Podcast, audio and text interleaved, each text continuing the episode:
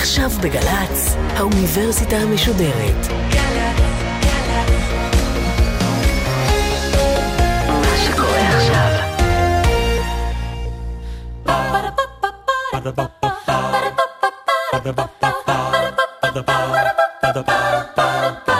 האוניברסיטה המשודרת מציגה מבוא ל עם קובי מידן, והסמסטר טקסטים מכוננים של הישראליות. והפעם שיחה עם הדוקטור אלון גן ממכללת סמינר הקיבוצים על שיח לוחמים. עורכת ראשית, מאיה גאייר. שלום לכם. שורות הפתיחה של הקובץ שבו נעסוק היום, שיח לוחמים, התפרסמו חודשים ספורים, זמן קצר, אחרי מלחמת ששת הימים, 1967, אוקטובר, שיא האופוריה. כך כותב יריב בן אהרון במבוא. לא חזרנו מהקרב הלומי ניצחון. יתרה מזאת, מתוך הזעזוע הבראשיתי נבקע מעיין של תהיות, הרהורים וביקורת נוקבת. בשיח רב משתתפים זה הופכת המלחמה לנקודת מוצא, בשום אופן לא לעיקר. ברבות מן השיחות בוקעים קולות ממעמקים, מועקה מתפרצת, תדהמה, ייסורים, כל אלו ניבטים אלינו מתוך המשפטים המגומגמים כמעה, המגששים, והם יעידו כמאה עדים על דור זה. הוא, הדור הזה, אשר נשא את נשקנו, גם את חוליינו הוא נשא. המילים האלה שנשמעות מרשימות ממרחק של שניים שלושה דורות כבר, הן כמעט לא יאומנו כשאתה חושב שהן התפרסמו בשיא האופוריה, בחודשים הראשונים שאחרי המלחמה הגדולה ההיא. המילים של יריב בן אהרון חריגות מאוד בנוף הישראלי שאחרי ששת הימים. בפתיחה ובכל הספר מציגים 140 בני קיבוצים, חלקם חיילים בסדיר, חלקם מילואימניקים, רובם לוחמים, קול חדש, קול שהצליח להישמע מבעד לתרועות הניצחון ששלטו ברחובות, וגם לערער עליהן. אנחנו נבחן את הקול הזה בשיחה היום, את השפעותיו, וגם את הרקע ליצירתו. דוקטור אלון גן הוא מרצה בחוג להיסטוריה במכללת סמינר הקיבוצים. הוא חיבר ספר בשם קורבנותם אומנותם, משיח קורבני לשיח ריבוני. זה התפרסם בשנת 2014. עבודת הדוקטורט שלו עסקה בתרבות השיחים בתנועה הקיבוצית. הדוקטור גן הוא בן קיבוץ בעצמו, כפר מסריק, והוא נחשף בעבודה שלו לחומר הגלם המלא של הספר שיח לוחמים. שלום, הדוקטור אלון גן. שלום. עוד מעט נגיע לרקע ההיסטורי, לשבועות המאוד מיוחדים האלה. אבל קודם כל, כיצד נולד הספר הזה? הוא יוצא באוקטובר, ממש רגע אחרי המלחמה. כל משתתפיו הם אנשי קיבוצים. איך זה קרה? איך זה נולד? כדי להבין את נסיבות הולדתו של הקובץ הזה, צריכים קודם כל להבין אה, מה קרה לחברה הישראלית. זו חברה שעברה, בפסיכולוגיה יש שם מושג מניה דיפרסיה. אז אה, פה נדבר על דיפרסיה מניה. מחרדה עצומה בשלושה שבועות שקדמו לתחילת מלחמת ששת הימים, חרדה של שואה שנייה, של ההפעלה, של אה, לא עוד אושוויץ. החרדה הזאת הלכה והתגברה כשם שהתארכה מה שנקרא היום תקופת ההמתנה. נכון. מיום העצמאות ה-19 של מדינת ישראל, מ-14 במאי עד ה-5 ביוני, פרוץ מלחמת ששת הימים, ניתן לדמות את ישראל לסיר לחץ או לדינמיקה הולכת וגוברת של חרדה. לאט לאט יותר ויותר גברים מגויסים. המדינה בהפעלה, כל הארץ זרועה שוחות, שקי חול. נחפרים או מכינים בתי קברות להמונים. היה חשש שיהיה אלפי הרוגים, עשרות אלפי. כי מה שקרה כאן, בניגוד להפתעה הקשה של מלחמת יום כיפור, כאן היה כמו קפיץ נדרך. מדינות ערב בראשות נאצר קמים עלינו לכלותנו. החרדה גוברת כי גם יש תחושה בציבור, בדיעבד אולי לא מוצדקת, שלא מספיק שקמים עלינו לכלותנו, מי שעומד בראש המערכה, שהוא ראש הממשלה וגם שר הביטחון, לוי אשכול, הוא איש נחמד, הוא עסקן ישיש כזה, אבל הוא לא בנוי להתמודד עם מערכה כזאת. הדברים מגיעים לידי שיא בנאום הרדיו המפורסם שלו, שבו הוא כביכול גמגם. נכון. אה, בדרישה ההולכת וגוברת אה, לצרף אפילו את בן גוריון, אה, ובוודאי את משה דיין, להנהגה, כדי שיהיה שם איזה מבוגר עז נפש. נכון מאוד. ואז מה שקורה מזווית מבט פסיכולוגית של הציבור, אנחנו רואים ציבור שככה, שומע דרך כל הרע בקהיר, או דרך העיתונות, נשמיד אתכם, נשרוף אתכם, אנחנו הולכים לתקן את השגיאה הזאת. מצד שני הוא חש שמי שעומד בראש מערך הביטחון והממשלה הוא לא אדם שבנוי להתמודד. מצד שלישי זה התחושה של העולם כולו נגדנו, והתחושה היא של חרדה עצומה.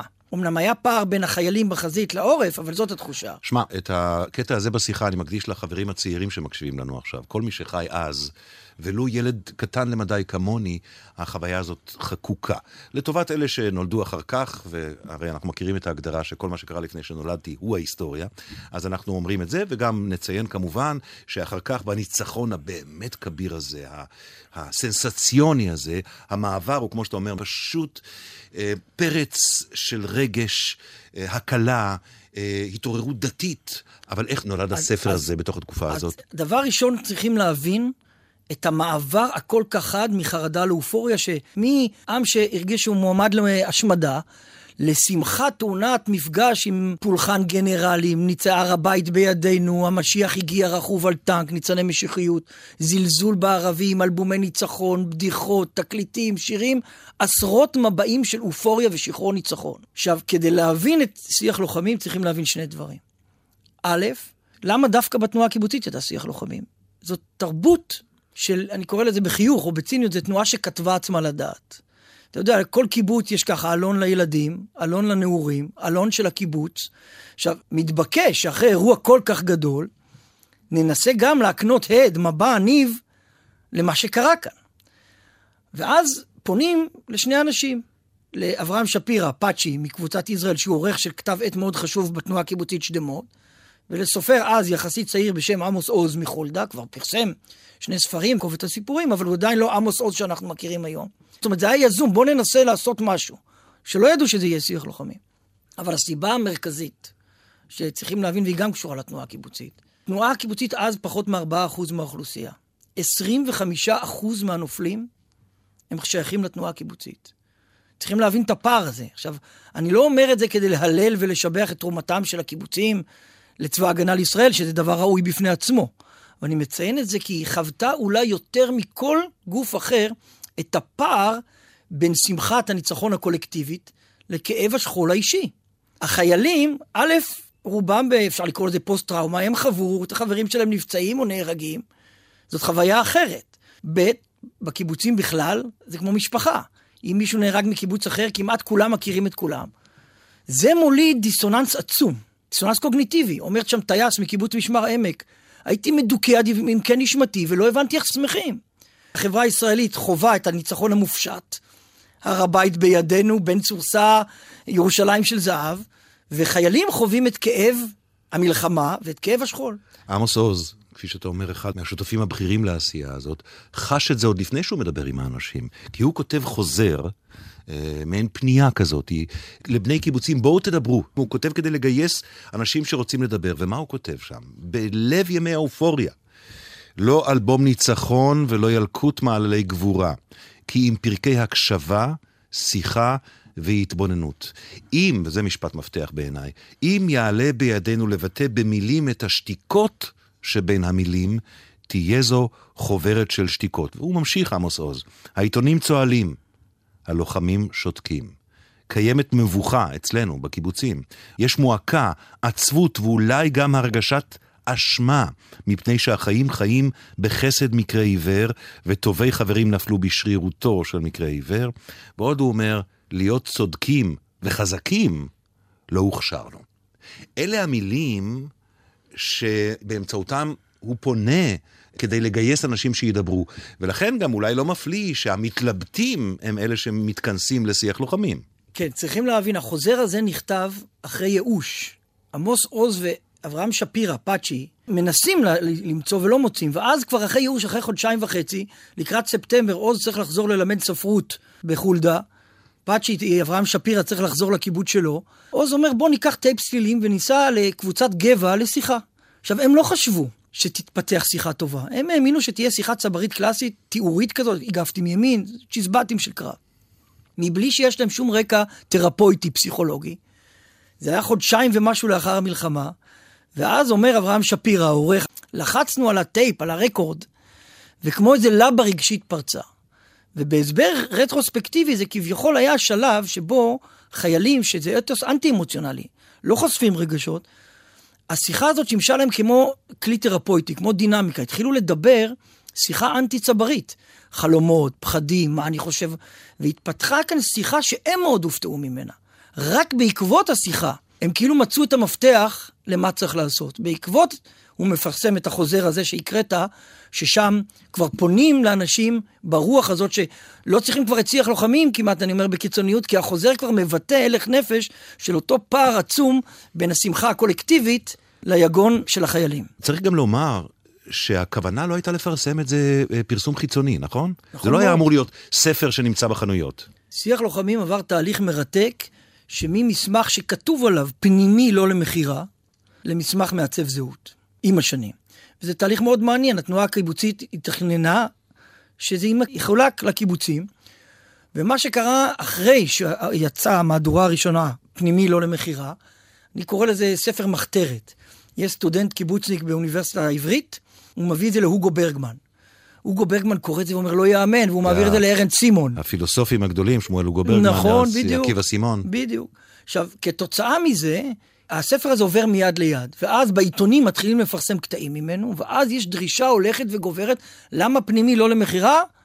בואו נוציא הוצאה פומבית. ואז יוצאת הוצאה פומבית ושיח לוחמים מקובץ פנימי, ומאיזה משהו כזה ששייך לתרבות הקיבוצית של לתעד את חיינו, הופך למסמך שככה, מעל מאה אלף עותקים, מתורגם להרבה שפות, חמש מהדורות, והוא הופך להיות מסמך שככה משרד החוץ משתמש בו כדי להציג את פניו היפות ההומניסטיות של הלוחם הישראלי, שהוא לא רק תאב וצמא דם, אלא הוא מתייסר בשאלות הומניסטיות ושאלות של אה, טוהר הנשק. תנועות הנוער משתמשות בקטעים משיח לוחמים. נולה צ'לטון, הבמאית, עושה עליו הצגה, עושים עליו תסכית ברדיו. בבה"ד 1 קורס קצינים משתמשים בקטעים כדי לדבר על טוהר הנשק. כשאנחנו מדברים על, במסגרת של הסדרה הזאת על טקסטים מכוננים, זהו טקסט מכונן של ממש. במלוא מובן המילה, זה קורה מיד? זה קורה בעצם ימי האופוריה, או שנדרשות זה- זה כמה שנים מעניין. ונדרשת גם מלחמת יום הכיפורים כדי שנתבונן אחורה על הטקסט הזה? לא, זה קורה מיד וזה נורא מעניין, כי שאני נותן לסטודנטים שלי תרגיל, אחרי שאני עוסק במלחמת ששת הימים והשפעתה, תלכו לבית של סבא וסבתא או אבא ואימא או לבוידם, ותחפשו מבעים של האופוריה, אלבומי ניצחון, היו צלחות עם משה דיין, המון מחזיקי מפתחות. כרטיסי ברכה לשנה טובה, דגלים. תחפשו, תחפשו, ואז מה שקורה ומאוד מעניין, שהחברה הישראלית הייתה צמאה לשני חלקי הכתבים האלה. אתה מוצא בהמון מדפים את שיח לוחמים ליד אלבומי הניצחון, שזה כביכול תרתי די סתרי. כי שיח לוחמים, כל מהותו הוא אנטיתזה, או הקוטב הנגדי לאופוריה ומה שנקרא אלבומיאדה ופולחן הגנרלים באלבומי הניצחון וכך הלאה. ויחד עם זה, אנשי הקיבוצים עצמם, אלה שמדברים בשיח לוחמים, גם מדברים על השוני של בני הקיבוצים מהחברה הכללית. והם אפילו, אחד מהם אומר, שאמר לו שריונר אחד, הבני קיבוצים האלה, רק יש מלחמה, ישר הם מגיעים עם רגשי האשמה שלהם, ועם כל השאלות וההתחבטויות, נו מה? נכון מאוד. והמשפט הזה של אותו שריונון הוליד דמות שנעסוק בו עוד מעט, שזה דמות היורה והבוחר. בוא, אתה דיברת על פוסט-טראומה. המפגש עם המוות הוא מפגש עוצמתי מאוד בספר הזה, הן כמובן עם המוות של החברים והרעים והשותפים לנשק, האחים לנשק, אבל גם עם המוות של חיילים אה, מצבאות ערב. תפסתי פתאום שאני יורה והורג כמו איזו פעולה שגרתית, אומר לוחם אחד. כמו איזה משחק שלמדתי, אולי במחנות קיץ. יריתי בהם והתפעלתי נורא תוך כדי ירי. איך אני יורה בשלווה כזאת? הם נראו לי כמו בובות בלונה פארק, רצות כאלה שאתה רואה כאילו אתה יורה ברובי אוויר. כשאתה פוגע אתה נורא מבסוט שפגעת. ואומר אבינועם ברוג, ממשמר השרון, אחיו של אהוד ברק, על המפגש שלו, אם אפשר לומר כך, עם גופות של חיילים מצריים. הוא אומר, אני חושב על הקטע הזה בו המחיר התחיל להיראות זול. זה הקטע שהפסקנו בו לקרוא, תראו, פה שוכבים שני הרוגים, אלא אמרנו, תסתכלו, פה שוכבות שתי נבלות. המחיר נעשה זול. הספר, סוד הקסם או הייחוד שלו בין השאר, זה בעצם דיון רפלקטיבי במשמעותו של חייל במלחמה. ואחר כך חייל, מחייל לוחם לחייל כובש. אז שתי הציטטות שהבאת, יש שם שני תהליכים מאוד חזקים שאתה יכול לראות בניתוח שלהם, הרפלקטיבי. לראשון אני קורא מבחילה לאטימות. מה הכוונה מבחילה לאטימות? רובם מתארים בהתחלה, המפגש הראשון עם דם או עם הרוגים, זה גורם לך בחילה. אתה רוצה להקיא, אחד מתאר, יריתי בו לידי והכיתי. ואז יורד מסך. עכשיו, אבינועם ברוג מתאר את זה, את ירידת המסך, חייל בקרב חייב לה- להוריד את המסך הזה, אחרת הוא לא יתפקד. אבל כולנו אולי זוכרים כילדים שרואים את הסרטים בכל יום השואה, שרואים את הגטאות ורואים שם מלא גופות ואנשים הולכים ואתה אומר, איך השגרה הזאת? ולהבדיל אלפי הבדלות, כמו שקצטניק אמר על אושוויץ שזאת פלנטה אחרת, מלחמה זה פלנטה אחרת. ופה במבט רטרוספקטיבי, הם מתארים את המעבר המאוד קשה של ירידת המסך. הצורך להיות אטום כדי לא להיות כדי חשוף. לתפקד. ההרהורים והלבטים הם רטרוספקטיביים. ויש כמובן גם המון עיסוק בשאלות של מוסר לחימה. אה, הציטוטים הם כל כך רבים. המקרים שמסופרים, החל מביזה, וכלה כמובן ביחס לשבויים ובהרג של חפים מפשע. תראה, הדבר המעניין, שאתה מסתכל, אני קורא הרי לשיח לוחמים הקוטב הנגדי לתרבות האלבומים והאופוריה. צריכים להבחין פה בין האורחים של הספר לבין הדוברים, כי הוא לא דיבר בקול אחד. אבל בטח לאורחים היה, כמו החוזר של עמוס עוז, אנחנו לא רוצים אלבום ניצחון. לא את המזמור הזה אנחנו מבקשים לשיר. עכשיו, אחד הדברים שאפיינו את האופוריה זה דה-הומניזציה לערבים. יש אלפי בדיחות ושירים, נאצר יא גמל, אל תהיה כזה נבל, של בני ברמן, שעושים דה-הומניזציה. עכשיו, מה שמאפיין פה בטקסטים שקראת, שהחיילים האלה מחפשים את האדם שבאויב. לא במקרה בשיח לוחמים יש מכתב של אישה מצרית שנמצא אחר כך על הגופה שלו. זה קטע שאני עצרתי מולו ופערתי עיניים. זה לצד זה מוצג מכתב של חייל ישראלי הביתה, ושל אשת חייל מצרי, מתורגם, המכתב מתורגם, לבעלה החייל, מכתב שמישהו מצא מתגולל במחנה נטוש. אתה רואה מצד אחד את הדה-הומניזציה, עזר ויצמן אומר, הערבים, מלחמה זה לא בשבילם. והאנשים האלה, א', מחפשים את האדם שבאויב, ומדברים על זה שלא השנאה הייתה המניע המרכזי שלהם למלחמה, ומצד שני, הם חווים חוויה לא של אופוריה ושיכרון, גם של שכול וכאב, אבל גם שהמלחמה הבאה היא בפתח, בתוך כל האופוריה. זה אחד הדברים שאתה מסמן כ- כמרכזיים. נכון. כלומר, התחושה הפטאלית כן. של על חרבנו נחיה המלחמה הבאה בפתח. יש ארבעה נושאים מעבר לנושאים של אדם במלחמה ושאלת המוסר וביזה, עתיד השטחים. כל עוסקים בזה בקובץ, אבל יש ארבעה נושאים שאני קורא להם סנונית ראשונה. מה הכוונה? אנחנו צריכים לזכור, היום אנחנו 50 שנה עם השטחים הכבושים או המשוחררים, אף אחד לא חשב אז שניתקע, או לא ניתקע, זה גם שאלה של השקפה, mm-hmm. עם השטחים כל כך הרבה שנים. וכאן אתה רואה חודשיים וחצי, חודשיים, את הניצנים הראשונים של עיבוד בעין שונה. ואחד הדברים, בניגוד לאופוריה והרע והשחצנות וההיבריס של הגנרלים, הדור שלי כבר לא יילחם ועזר ויצמן, האנשים האלה מדברים בתחושה, בתוך כל האופוריה. עוד מעט יהיה הסיבוב הבא, אנחנו נידונים להרוג ולהרג. ואתה יודע, אני היסטוריון, אבל אומרים שלהיסטוריון אסור להגיד מה היה קורה אילו. שאלה לא לגיטימית. אבל אם, אני אומר, אילו היו מקשיבים, לא לקולות של הגנרלים רק, אלא לקולות האלה, שאמרו, אנחנו נידונים לחיות על חרבנו וצריכים אולי לראות אחרת, אולי היינו במקום אחר. אה, עוד נקודה שנעבור אליה בקיצור, אתה אומר שכבר נשמעים שם קולות שמבכים את אובדן הארץ הקטנה. נכון. אבל אני רוצה לדבר איתך על נקודה שלישית שאתה מציין, והיא מעבר מתודעת דוד לתודעת גוליית. כן. אותי זה מעניין לראות, כי זה ניצנים של הרהורים, שאחר כך בשיח הציבורי ילכו ויעצימו. נגיד הפטליזם הזה ש, של על חרבך תחיה במלחמת ההתשה, המלחמה נשכחת וראויה לדיון בפני עצמו, זה אמרו ניפגש על לוח המודעות בבתי הספר או בעיר הנוער בקריית שאול וכך הלאה. ניצנים שנשתלים בה כהרהורים בשיח לוחמים ילכו ויתעצמו בשיח הציבורי. ומה זה מתודעה דוידית לתודעה גוליאתית? חלק מהלוחמים שם אומרים שאנחנו תמיד היינו רגילים להיות קטנים, חזקים וצודקים.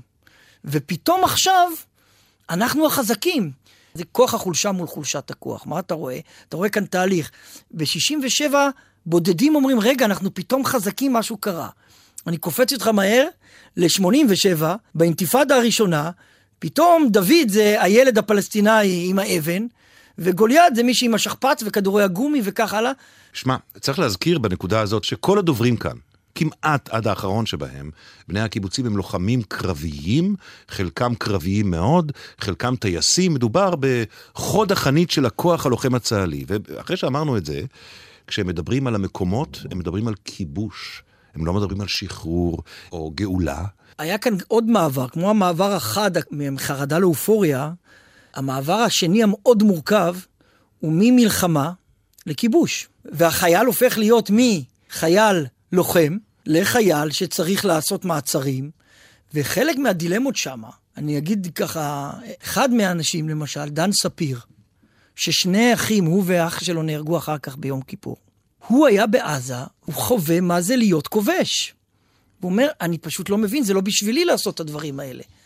כשאנחנו היום עוסקים בלגיטימציה או האי-לגיטימציה של שוברים שתיקה, כל מה ששוברים שתיקה אומרים, אתה יכול למצוא בשיח לוחמים גם הכתוב וגם המדובר והמצונזר, מבחינת דילמות של חייל שעובר מלוחם לכובש. ויש טקסטים רדיקליים שממש קשה להאמין שנאמרו אז ופורסמו בפרסום שהוא באופן כללי של הזרם המרכזי, של המיינסטרים. בהקשר הזה אני רוצה לשאול אותך, דיברנו קודם על, על עריכה. הייתה צנזורה? זה מאוד מעניין הגלגול של נושא הצנזורה, כי צריכים להפריד.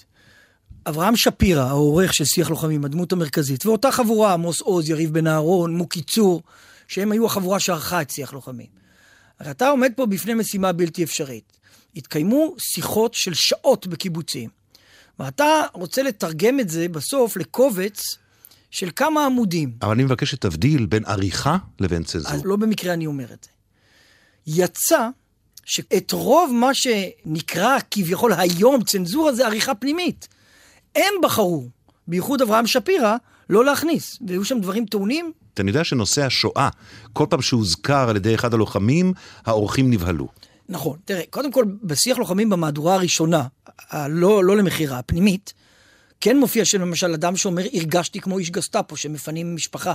וזה במהדורה החיצונית נחתך. נחתך, בפומבית. Mm-hmm. אבל חשוב להבין שבאמת העריכה הייתה מאוד רגישה, והחליטה לא להכניס לתוך הקובץ לא מעט נושאים שהיום בדיעבד יכולים להגיד, למה לא הכנסתם את זה? אני נותן לסטודנטים שלי תרגיל, תהיה עורך. ב-67, מה היית עושה? שמע, היסטוריונים כמו תום שגב, ההיסטוריון והעיתונאי, הסרט שיצא לאחרונה, לושי, כן. שנקרא סלילים הגנוזים, של, שחושף טקסטים שלא נכנסו, עולה מין טענה כזאת שמתעצבת עם השנים, שהצנזורה העריכתית, הצנזורה העצמית, שהצנזורה הזאת הייתה מאוד מגמתית, ובהרבה מובנים, טוען למשל תום שגב, סירסה את הכוונה של האנשים האלה. כן. תגובתך המלומדה. כן. קודם כל, תום שגב הסתמך בעצם על המחקר שלי, לא היה לו מקור אחר, ואני חולק על הנושא הזה. אני חושב שהעריכה הייתה מאוד רגישה. אנחנו בעידן תקשורתי שמחפש כל הזמן את הסנסציות. עכשיו, אני שואל את עצמי, לו אני הייתי עורך ומכניס קטעים חשובים על הגרמני שבחייל היהודי, שצונזרו, או על מעשים קשים, אני מניח שכל קובץ שיח לוחמים היה עוסק רק בכותרות האלה. עכשיו, אני חושב שהעריכה הרגישה, עם שיטת שלוש הנקודות, שקורא רגיש יכול למלא לא מעט מהטקסט החסר בשלוש הנקודות. יש לומר ששלוש הנקודות שולטות בספר. נכון. זה הסימן האחד שמופיע בו בתדירות הכי גבוהה. וזה מצד אחד קצת מזכיר את ברנר ואת הלשון נכון. המרוסקת שלו, אבל מצד שני זה אומר לך כקורא שמע, לא הכל נכנס. נכון. מעבר לעניין נכון. של ההיסוסים והלבטים, כמובן. בדיוק. אבל למשל, למשל נושא שלא נכנס. קובי רבינוביץ' מקיבוץ נען. ונען, למי שזה מכיר, זה הקיבוץ המאוחד, וזה ארץ ישראל השלמה. והוא חווה במלחמה חוויה קשה ביותר של הרג חיילים מצריים שהרימו ידיים. והוא אומר, בשיחה שבעריכה לא הוכנסה, בעריכה הפנימית, לא צונזרה על ידי הצבא, mm-hmm. הוא אומר, אני ראיתי חיילים שמה שמעניין אותם זה רק השעון שעל היד של ה... על הגופה. והוא אומר, אמרו שזאת ההוראה להשמיד את הצבא המצרי. ואז הוא אומר, עכשיו אני מבין איך שלטו בגרמניה. זאת הייתה ההוראה. אבל אני חוזר רגע לשיקולי העריכה. הסרט של מור לושי, הסלילים הגנוזים, שבאנגלית זה נשמע עוד יותר צנזור וויסס, כן? מצונזרים. מור לושי הייתה סטודנטית שלי באוניברסיטת תל אביב, וזה סרט ראוי ומבורך. אבל יש מגמה מאוד מעניינת. כיום, בנרטיב, אומרים שמי שצנזר את הקטעים האלה זה הצבא. כי נוח כביכול אה, להאשים גורם אחר בצנזורה של הדברים. אבל מה שאני במחקר שלי יכול להעיד, שמרבית 90 אחוז מהדברים זה לא הצבא צנזר, זה עריכה פנימית, שאני גם מגן עליה, אני חושב שהיא מאוד רגישה ונכונה לזמנה. הקובץ הזה, אה, שיח לוחמים, הוליד את הביטוי יורים ובוכים, שהפך בעצם עם, עם השנים לשם גנאי. כלומר, אה, ההתחבטות המוסרית ככיסוי כדי להמשיך לעשות דברים שאינם ראויים, נאמר. מין גישה שיש בה מן הצביעות או מן ההתחסדות. ספר לי קצת על תולדות המושג הזה ועל תפוצתו. חייבים להבין את זה, כי האתוס הצברי היה אתוס אנטי-אמוציונלי. לא מחצינים רגשות, לא מראים רגשות. אנחנו חזקים. היה רובד כפול של התרבות הצברית. מתי מתוודים לעולמו הרגיש של הצבר? בחוברת ההנצחה. אחרי שהוא מת, פתאום, במרכאות, אתה קורא שהוא כתב שירים רחמנא ליצלן, הוא מתאר אה, שקיעה או זריחה במכתב לחברה שלו. כאן לראשונה, מבלי שהם רצו, חלקם התביישו בזה, באו אנשי שיח לוחמים ואמרו, עזוב סיפורי מה עשית. ואחרי מלחמת ששת הימים היו עשרות מפגשים של שפה תיאורית ולא רגשית. זאת אומרת, הגבתי מימין, הגבתי משמאל, הוא נפל, החזקתי אותו, שאתה מתאר. ואני רואה בשיח לוחמים ציון דרך חשוב בדעיכתו של האתוס האנטי-אמוציונלי כאתוס מכונן את קוד ההתנהגות הצברי. יש לזה שמות רבים, כמו מעבר מה, מהאנחנו לאני. נכון. יש לזה ביטויים בעולם הספרות כמובן. רבים. אה, אה, מדור תש"ח למה שנקרא דור המדינה. נכון. כי אם אתה לוקח שני ספרים שזכו להצלחה מסחררת, חשופים בצריח, שהפך להיות גם ספר מכונן זהות, ושיח לוחמים, חשופים בצריח זה ספר צברי קלאסי. זה שכתב שבתאי טבת, הוא מתאר את uh, השריונרים, מביא שם נניח את uh, גורודיש, לימים גונן, נכון. uh, כגיבורי על. ושם אתה רואה שטבת הוא תבנית נוף צבריותו. הספר מתאר מעשים ומעליל, לעומת שיח לוחמים שאומר, עזוב, תספר לי את רגעי הפחד שלך. תספר לי מתי הרגשת צמרמורת או על מה אתה חושב. עכשיו, באמת, שיח לוחמים הוליד, שלא מרצונם של האורחים, באמת את המושג יורים ובוכים. אני כעת אה, עוסק בספר שנקרא יורים ובוכים גלגולו של מושג, משיח לוחמים לשוברים שתיקה. כדי לראות איך נולדה הדמות הזאת, איך היא חדרה לשיח הציבורי כמושג. עכשיו, הגלגול הזה התחיל מזה שהיו עשרות מפגשים אחרי שיח לוחמים על הספר. ובאחד המפגשים אמר אחד מהאנשים, הקיבוצניקים האלה הורגים ובוכים, הורגים ובוכים. אפילו לא יודע את השם של הראשון שאמר את זה. אבל אחרי כמה שנים קובי ניב הוציא, ב-1976, סאטירה מבריקה שנקראת יורים ובוכים. הנה ציטוט ממנה ברשותך. הוא מדבר על סוניה וזאב מהדור ההוא, שהם אה, מוותיקי היישוב, מוותיקי הקיבוץ, אבל הם אמרו, אומרים בינם לבינם שבלי מוסר לא יישאר כאן שום דבר. לכן החליטו, יקראו לבנם הראשון יורים, ויחנכו אותו לירות, ולבנם השני יקראו בוכים, ויחנכו אותו לבכות, וכך היה. אני רוצה להגן על הדמות הזאת, להגיד שהיא תנאי הכרחי לקיומנו. אבל קובי ניב לעג על זה שיורים ובוכים, יורים ובוכים. אחר כך נחום ברנע, כעיתונאי בכיר בדבר, הוציא מאמר, ואחר כך כינס את המאמרים שלו לספר שכותרתו יורים ובוכים. ומאז המושג יורים ובוכים הודבק לאנשי שיח לוחמים. אט לאט נוצרה המושג הזה של חייל, שמנסה לאחוז בשני חלקי ההגדרה למרות הסתירות הגלומות בה. גם לירות, להיות קרבי, לשרת בצבא, וגם לבכות במרכאות, לעסוק בדילמות מוסריות ולאחוז במצפן ערכים הומניסטי. עכשיו, רבים כמו קובי ניב ואחרים, הן מימין והן משמאל, ניסו לפרק את חלקי ההגדרה. הרבה יותר קל להיות יורה ויורה, או רק בוכה. הרבה יותר קל להתנגד לכיבוש ולסרב, כי אתה יכול להחזיק במצפן הערכים ההומניסטי שלך ואתה לא אה, חווה סתירות. ולכן רבים מהשמאל היותר קיצוני אמרו, תפסיקו עם היורים ובוכים, אל תראו, אז לא תצטרכו לבכות. לעומת זה, לדעתי, המייחד את שיח לוחמים. ואני טוען, הן כחוקר אבל הן כאזרח מודאג, אם אני יוצא רגע מהכובע המחקרי, שלמרות הסתירות הגלומות, בניסיון לאחוז בשני חלקי ההגדרה, גם לראות וגם לבכות, לצערי, כל עוד אנחנו רוצים לחיות בו, נצטרך גם לראות. אבל אם נאבד את החלק השני, ולא נחזיק במצפן ערכים הומניסטיים, ולא נגיד, אוקיי, צריך כוח, אבל מה עם המגבלות שלו?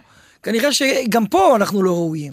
וייחודו של שיח לוחמים, לדעתי, הוא לא הביקורת והסרקזם על הזיוף וההתייפפות הזאת, אלא דווקא הניסיון המאתגר מלא הסתירות לאחוז בשני חלקי הגדרה שאני חושב שאסור לנו לוותר עליה. אתה יודע, דוקטור אלון גן, השאלה האחרונה המתוכננת שלי הייתה, מה המשמעויות האקטואליות של הספר הזה? נדמה לי שענית על זה, אין צורך להוסיף יותר מילה. זה כל כך ברור וכל כך מובן מאליו. עד כאן השיחה שלנו על שיח לוחמים. דוקטור אלון גן, אני מאוד מודה לך על השיחה המרתקת הזאת. תודה רבה. Ba-da-ba-ba-ba האוניברסיטה המשודרת מבוא ל. קובי מידן שוחח עם הדוקטור אלון גן ממכללת סמינר הקיבוצים על שיח לוחמים. עורכת ומפיקה מיקה נחטיילר. מפיקה ראשית אביגיל קוש. מנהלת תוכן מאיה להט קרמן. עורך דיגיטלי נדב הלפרין. האוניברסיטה המשודרת בכל זמן שתרצו, באתר וביישומון של גל"צ, וגם בדף הפייסבוק של האוניברסיטה המשודרת.